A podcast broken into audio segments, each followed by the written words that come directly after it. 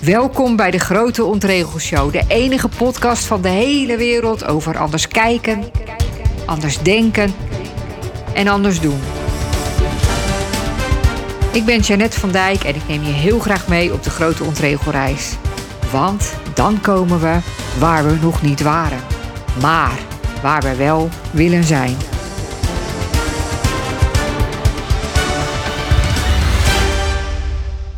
Lieve allemaal, jullie zijn er weer, fijn.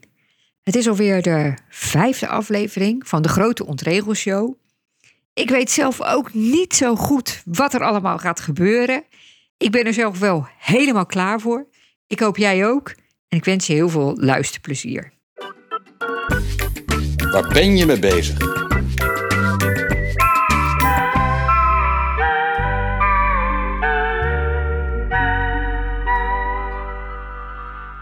Het is alvast een heel ontregelend begin, want normaal eindig ik deze uh, podcast met deze rubriek. Maar ik dacht, jongens, ik ga er vandaag eens mee beginnen. En waarom? Nou, eigenlijk omdat ik best wel heel erg enthousiast ben over de dingen waar ik mee bezig ben. Het eerste is on-the-spot coaching. Ik heb er al vaker wat over verteld. Het is eigenlijk een heel nieuwe vorm van coachen. De traditionele vorm gaat eigenlijk zo. Je uh, ziet een coach eens in de twee of drie weken. Er is een afspraak ingepland op een bepaalde tijd in een agenda. Met een begintijd en een eindtijd. En er zit een soort ritme in. Na twee of drie weken spreek je elkaar weer. En daar zit ook een gedachte achter. Namelijk dat je in de tussenliggende tijd aan de gang gaat met dingen die je hebt geleerd, dingen die je hebt besproken, dingen die je niet meer wil doen, stappen die je wilt zetten. En nou ja, na dan een bepaalde periode zie je je coach weer en praat je weer verder. Het is een waardevolle methode. Je kunt er hele goede resultaten mee behalen. Maar waarom zou het de enige methode zijn? En zou het niet tijd zijn voor iets anders? En ik denk dat on-the-spot coaching veel meer bij deze tijd past. Deze oude methode is eigenlijk heel ja, masculien zou je kunnen zeggen. Met een bepaalde structuur, een, bepaalde starheid, een afgemeten tijd. Terwijl onder sportcoaching heel ehm, veel meer in de flow is. Veel flexibeler is. Want je kunt op het moment dat je een vraag hebt of een dilemma, dat je ergens mee zit, dat je merkt dat je iets niet durft, dat iets je tegenhoudt, dat je ergens van baalt, kun je contact opnemen met je coach. Die heb je eigenlijk als het ware in je achterzak. En in mijn geval, als je ondernemer bent en je wordt door mij gecoacht, kan je bijvoorbeeld ook op het moment dat je een post aan het schrijven bent of een salespagina en je denkt, ah, het lukt niet goed, ik mis iets, het is een beetje te saai, ik wil er een beetje humor in, of ik vraag me af of het wel duidelijk genoeg is, of het niet wat scherper kan, dan kan je ook meteen feedback vragen op die tekst. En daar leer je dan heel veel van. En ik denk dat je Nee, ik denk het niet. Ik weet dat je bij on-the-spot coaching, dus op het moment coaching, dat, je, dat dat ook heel effectief is. Want je hebt meteen door, oh ja, ik doe nu dat. Waarom doe ik dat? Kan ik ook wat anders doen? En dat helpt je dus op andere momenten ook. Dus ik heb zelf ervaren dat het heel effectief is, dat het heel waardevol is, dat het heel fijn is en dat het ook heel Ehm, een heel andere relatie geeft tussen, eh, voor een heel andere relatie zorgt tussen de coach en de klant. En een goede relatie tussen een coach en een coachie is volgens mij, dat is ook uit onderzoeken gebleken, dat is ook de meest bepalende factor of een traject succesvol is. Als er echt een klik is tussen die twee, dan heb je kans dat er betere resultaten worden behaald. En ik weet ook wel wat het gevaar daarvan is. En waarvoor andere mensen misschien toch blijven kiezen voor die oude vorm. Omdat je natuurlijk het gevaar loopt dat je uh, als klant constant aan de bel hangt. Oh, ik weet niet wat ik nu moet doen, ik ga het even vragen. Maar een goede coach kent die valkuil. Die weet, ik ben je moeder niet. Dus die laat ook op gezette tijden, als het nodig is, een coachie het zelf uitzoeken. Ja, dat klinkt een beetje bot, maar uh, zo werkt het dan. Nou ja, ik ben er dus heel enthousiast over. En ik bied het aan voor ondernemers die een grote stap willen maken. Voor of die iets heel anders willen gaan doen, omdat ze zich een beetje vervelen. Of die andere klanten willen hebben. Of nou ja, hogere prijzen willen vragen of wat dan ook. Die gewoon een zetje willen, die van good naar great willen eigenlijk. Voor mensen in een lastige periode van hun relatie, of mensen die hebben al, hebben besloten om al uit elkaar te gaan, maar toch nog een tijdje met elkaar in hetzelfde huis moeten wonen, of ervoor moeten zorgen dat ze wel goede ouders blijven samen. Of voor leidinggevenden in een masculine organisatie, vrouwelijke leidinggevenden in een masculine organisatie. Daar heb ik zelf ook veel ervaring mee en ik weet hoe moeilijk het is als je je eigen visie hebt en je eigen manier van werken en toch in het plaatje moet passen wat uh, het bedrijf heeft. En uh, ik kan je helpen om staande te blijven in zo'n situatie, om het beste uit jezelf en uit je team te halen. En ook dicht bij jezelf te blijven, zonder dat je concessies hoeft te doen, dus. En zonder dat je jezelf voorbij loopt. En ook dat je de balans goed houdt, zodat niet je gezin of je relatie of jijzelf leidt onder je baan. En dat je baan niet leidt onder je gezin, je relatie of onder jou. Ik bied nu deze on-the-spot coaching voor een maand aan tegen een introductieprijs, zodat je het kan uitproberen. Nou, besluit je na die maand, nou ja, het is toch niet echt wat voor mij, of ik heb mijn doel al bereikt, ik stop ermee, dan kan dat. Je kan natuurlijk ook doorgaan, maar je kan dan wel merken hoe het werkt en wat het met je doet en vooral natuurlijk wat het je opbrengt. Dus ben je daarin geïnteresseerd? Neem contact met me op. Ik vertel er graag meer over en dan kunnen we ook kijken of, of we bij elkaar passen. Het tweede, waar ik ook heel enthousiast over ben, zijn masterclasses over human design. Tot nu toe gaf ik alleen human design uitlegsessies uh, aan individuen. Maar ik heb pas uh, voor het eerst een masterclass gegeven aan zes mensen. Was super leuk, super waardevol. En ze hebben allemaal een tweede masterclass uh, geboekt. Dus dat is ook heel leuk. En ja, het mooie daarvan is, het is eigenlijk een instapmodel, zou je kunnen zeggen. En, maar het is ook, je krijgt heel veel persoonlijke aandacht. En tegelijkertijd leer je ook heel goed hoe anderen in elkaar zitten. Want dat vind ik een van de mooie dingen van Human Design. Je leert niet alleen jezelf veel beter snappen, maar je leert ook veel beter snappen hoe, hoe anders het voor andere mensen is. Dus ook daarvan kan je informatie vinden op mijn website. Maar je kunt me natuurlijk ook on the spot een berichtje sturen. Irritatiemomentje. Er gebeurde iets heel moois op de Hofvijver. Afgelopen weekend. Een man ging op zijn knieën voor zijn vrouw en vroeg haar op het ijs ten huwelijk. Precies hetzelfde had hij twintig jaar daarvoor ook gedaan. Maar op deze manier bewees hij haar zijn eeuwige liefde. Je zou zeggen, een moment om een traantje weg te pinken. Maar voor mij was het een irritatiemomentje. De man in kwestie was koning Willem-Alexander, de vrouw in kwestie koningin Maxima. Het was een paar dagen nadat er weer een nieuwe aflevering van Zembla was geweest over de schimmigheden rond het koninklijk huis. Het ging deze keer over kunst die ze hebben, kunst die ze verkocht hebben aan die rijke meneer Ventener van Vlissingen van CNA. Terwijl het Utrechts archief het ook heel graag wilde hebben. Maar volgens Rutte kon dat archief het helemaal niet betalen. En twee vrouwen vertelden: Het is ons nooit gevraagd. Het zijn hele belangrijke, waardevolle kunstwerken voor de Nederlandse geschiedenis. En het ging over het kroondomein, een heel stuk bos ergens tussen uh, Apeldoorn en Elspet dat van ons is. Want koningin Wilhelmina heeft het in 1957 aan de staat gegeven. Dus het is van ons allemaal. Maar de koning heeft er het beheer over. En die sluit het een groot deel van dat gebied een paar maanden per jaar af voor het publiek. Omdat ze dan lekker kunnen gaan jagen. Nou, uh, hij krijgt daar uh, subsidie voor. 5 miljoen in vijf jaar. En die subsidie, dat is op zich een bestaande regeling. En je kan die subsidie alleen krijgen als je, het, als je 357 dagen open bent. Nou, hij is niet 357 dagen over. Dan is er nog een uitzonderingsregeling voor een gebied wat uh, in de privésfeer valt. 1 hectare, dat mag dan wel afgesloten zijn. En bij hem is 700 hectare over uh, afgesloten. Nou, 5 miljoen subsidie. Nou, denk je, ja, oké, oké, oké. Maar er zijn natuurlijk ook verhalen bekend van de Groene Draak. Zo'n bootje waar bijna niet in gevaar, gevaren wordt. Maar dat volgens een rapport van de scheepvaartinspectie of zoiets nog beter wordt onderhouden dan een fregat dat elke dag klaar moet zijn om uitgevaren te worden, terwijl het maar een heel klein bootje is. Uh, nou, we hebben een hek gehad bij een vakantievilla, een hek van 4 ton. Uh, de restauratie van Paleis Noordeinde, die veel duurder uitviel dan was begroot. En uh, omdat die, dat paleis werd gerenoveerd, omdat ze daar gingen wonen, was uh, de koning zijn werkplek kwijt. En daarom kreeg hij een, noodwerkplek bij Villa Eikenhorst in Wassenaar. Best een groot huis, maar ja, net even te klein voor nog een werkkamer van de koning. Dus er werd er even naast gebouwd op kosten van de staat. Ook een half miljoen.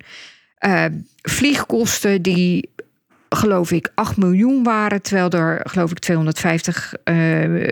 euro voor was uh, besteed. En uh, het Koninklijk Huis kost ons volgens berekeningen van RTL ooit in, in 2015 al 40 miljoen euro per jaar. 40 miljoen euro per jaar. Voor een familie, hè? Die dan daar verder ook geen belasting betaalt en zo. En allemaal kunst heeft en allemaal paleizen en kroondomeinen beheren. Waar ze dan gaan lekker gaan jagen. Nou, in die uitzending kwamen uh, hoogleraren aan het woord. En de hoogleraar strafrecht of juridisch recht of staatsrecht. Ik ben het even vergeten. En een notaris.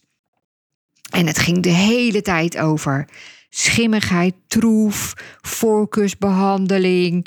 Ja, uh, en Rutte die dan steeds zegt: ja, ik hoef daar niks over te zeggen, want het is een privé-aangelegenheid. De RVD die over niks uh, niemand te woord wil staan van Zembla. Mensen die zeggen het klopt gewoon niet. En um, even kijken, want ik had het opgeschreven wat er over werd gezegd.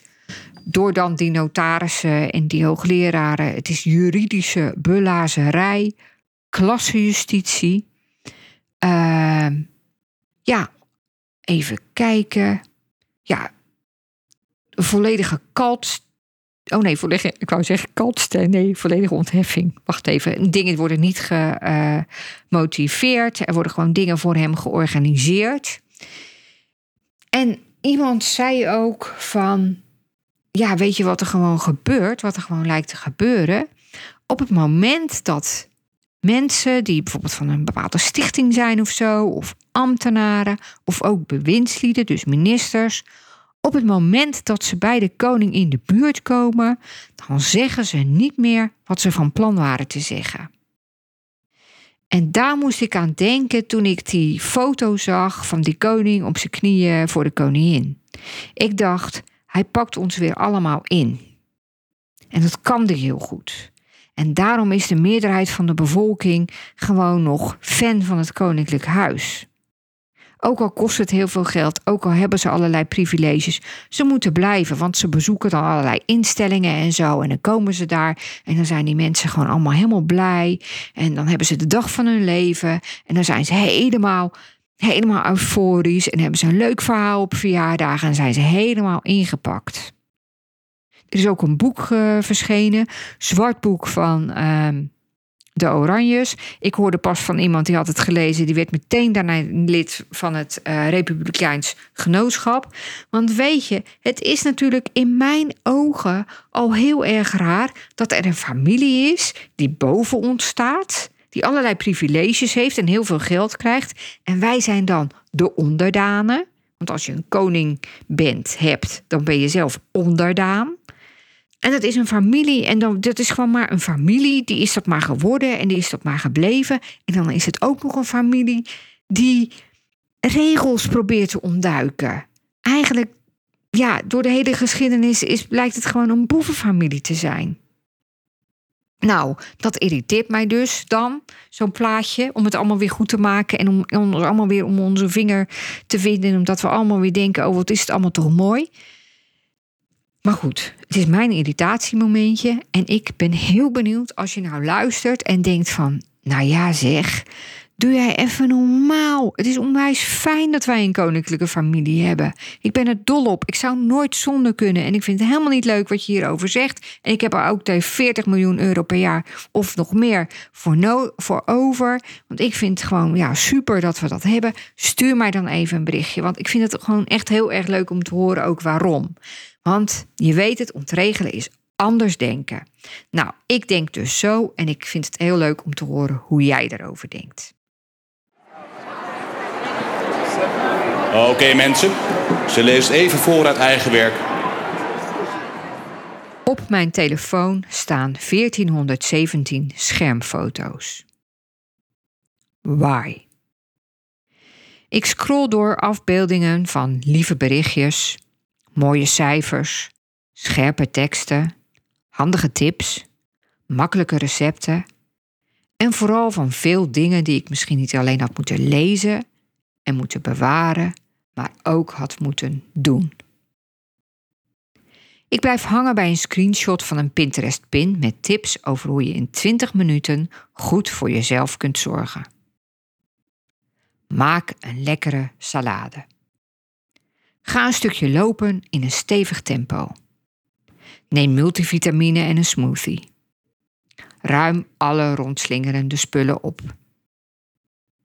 Dit heb ik dus ooit gelezen en vervolgens bewaard. Kennelijk omdat het me heel nuttig leek om het ooit allemaal te gaan doen. En dat is precies het laatste wat ik nu wil.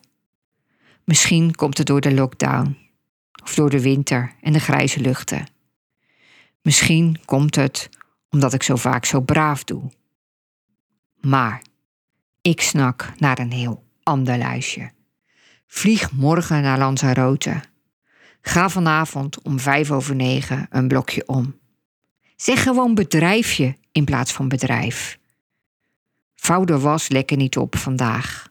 Gooi alle adviezen over hoe je keurig moet leven en succesvol moet ondernemen en het beste online en gelukkig kunt zijn als een sneeuwbal tegen het raam.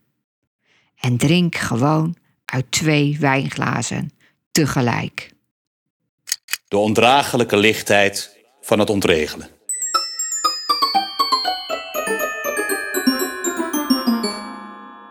De ontregeltip van vandaag is: doe niets waar je geen plezier in hebt. Doe niets waar je geen plezier in hebt. Ik las deze tip in het boek Geweldloze communicatie van Marshall Rosenberg. Geweldloze communicatie, of ook wel verbindende communicatie, is een heel andere manier van communiceren dan wij eigenlijk gewend zijn. Het is ook best een ingewikkelde communicatie. Uh, het is heel mooi, maar ook best wel heel ingewikkeld, omdat hij zo anders is. En echt een hele andere manier van denken vraagt ik ben er dol op. Ik geloof er heel erg in. Ik hou er ook enorm van. Maar ik vind het wel heel moeilijk om het uit te voeren. Ik heb er eerder een podcast over opgenomen. Die kan je nog vinden bij ehm, de aflevering onder de naam. En we noemen het storytelling. Doe niets waar je geen plezier in hebt. Nou, Marshall Rosenberg zegt zelf ook al in dit boek van... Ehm, ja, heel veel mensen zullen het wel waanzin vinden dat ik dat zeg. Maar hij vindt het geen waanzin. Hij vindt het een vorm van liefde van liefde en zelfmededogen. Hij zegt: als we niets doen waar we geen plezier in hebben, dan maken we eigenlijk keuzes die voortkomen uit ons verlangen om bij te dragen aan de verrijking van het leven voor onszelf en voor anderen. We doen heel veel dingen, zegt hij, uit angst, schuld, schaamte of plichtbesef. Ja, altijd als ik het hierover heb, heb ik het over het onderwerp sokken in de slaapkamer. Ik wilde zeggen ja, dat jij de sokken in de slaapkamer opruimt, terwijl je dat zelf eigenlijk helemaal niet nodig vindt, want die sokken liggen jou niet in de weg. Maar je doet het uit plichtsbesef, omdat je geen zin hebt in gezeur over die sokken. Of misschien ook wel uit schuld, omdat je ook eigenlijk wel heel veel dingen achter je laat slingeren. We doen dus, zegt Marshall Rosenberg, heel veel dingen uit angst, schuld, schaamte of plichtbesef. En we moeten alleen maar dingen doen die we doen vanwege ons verlangen om bij te dragen aan de verrijking van het leven van onszelf en van de anderen. Ja, dat had ik al een keer gezegd, maar ik leg het graag nog een keer uit. Hij heeft er ook een methode voor. Want we zijn het natuurlijk niet gewend. Zo worden we helemaal niet opgevoed om alleen maar de dingen te doen waar we plezier in hebben. Dat klinkt heel egoïstisch en heel eigengereid en heel uh, onbaatzuchtig. Uh, nee, juist niet onbaatzuchtig. Uh, nou ja, dat. Nou, de truc, de methode, is hij om meer zelfliefde te hebben en om met meer plezier te leven, is om is te beginnen met alle moetens te vervangen door kiezen. Nou, ik vind dat gelijk al een hele goeie. Want ik denk dat moeten echt een. Ja, ik vind het echt een heel vervelend woord. Je moet maar eens opletten hoe vaak je zelf dingen moet. En hoe vaak het ook gaat over, ja, hoe vaak je bij andere mensen hoort ook zeggen, ja, ik moet nog dat en ik moet nog dat en toen moet ik nog dat en dan moet ik nog dat. Weet je, dat moeten, dat is een soort slaaf. We zijn een soort slaaf geworden van moeten. Onze wereld is zo van moeten. Ik vraag me af of honderd jaar geleden mensen ook zo vaak moeten zeiden. En in dat hele woord moeten, ik weet niet hoe jij het voelt nu, zo aan de andere kant van de lijn, maar het voelt al zo iets, weet je, dat je al een beetje verstarring voelt in jezelf. En dat je je schouders al een beetje weer naar beneden gaan en, en, je, en, je, en, je, en je gezicht verstrakt een beetje. Moeten zeggen terwijl je lacht, moet je eens proberen. Moeten, ja, gaat een beetje, wordt meteen een beetje sarcastisch. Moeten is echt gewoon, mm, ja, weg ermee. We moeten dat niet meer. Nou, hij zegt dus, schrijf alles op wat je van jezelf moet doen. Nou, dat kan je zelf ook een keer uitproberen. Uh, maar laten we voor nu even als soort oefening, ah, lekker ontregelend, een podcast met een oefening, even oefenen met iets wat je moet. Ik neem dan bijvoorbeeld zelf even als voorbeeld, ik moet pakketjes aannemen van de buren. Ja, ik doe dat uit plichtsbesef of uh, weet ik veel, omdat uh, ik anders een slechte naam krijg in de buurt, weet ik het. Of omdat ik mezelf dan asociaal vind. Dus wat doe jij? Wat heb jij iets van, ja, je zegt, ja, dat moet je echt doen. Nou, van hem moet je dus een hele lijst maken. Hè? En dan moet je van al die dingen die je moet doen, moet je nu gaan denken, ik kies ervoor. Dus je zegt niet meer, ik, ik, ik doe het omdat het moet, maar ik doe het omdat ik ervoor kies. Dus bij mij is het dan, ik kies ervoor om pakketjes aan te nemen van de buren. Nou, Marcel Rosenburg zegt dan al van dat roept waarschijnlijk al wat weerstand op. Dus ik ben benieuwd wat jouw zin is. En wat wordt het dan? Kan je gewoon even in je hoofd doen, hè?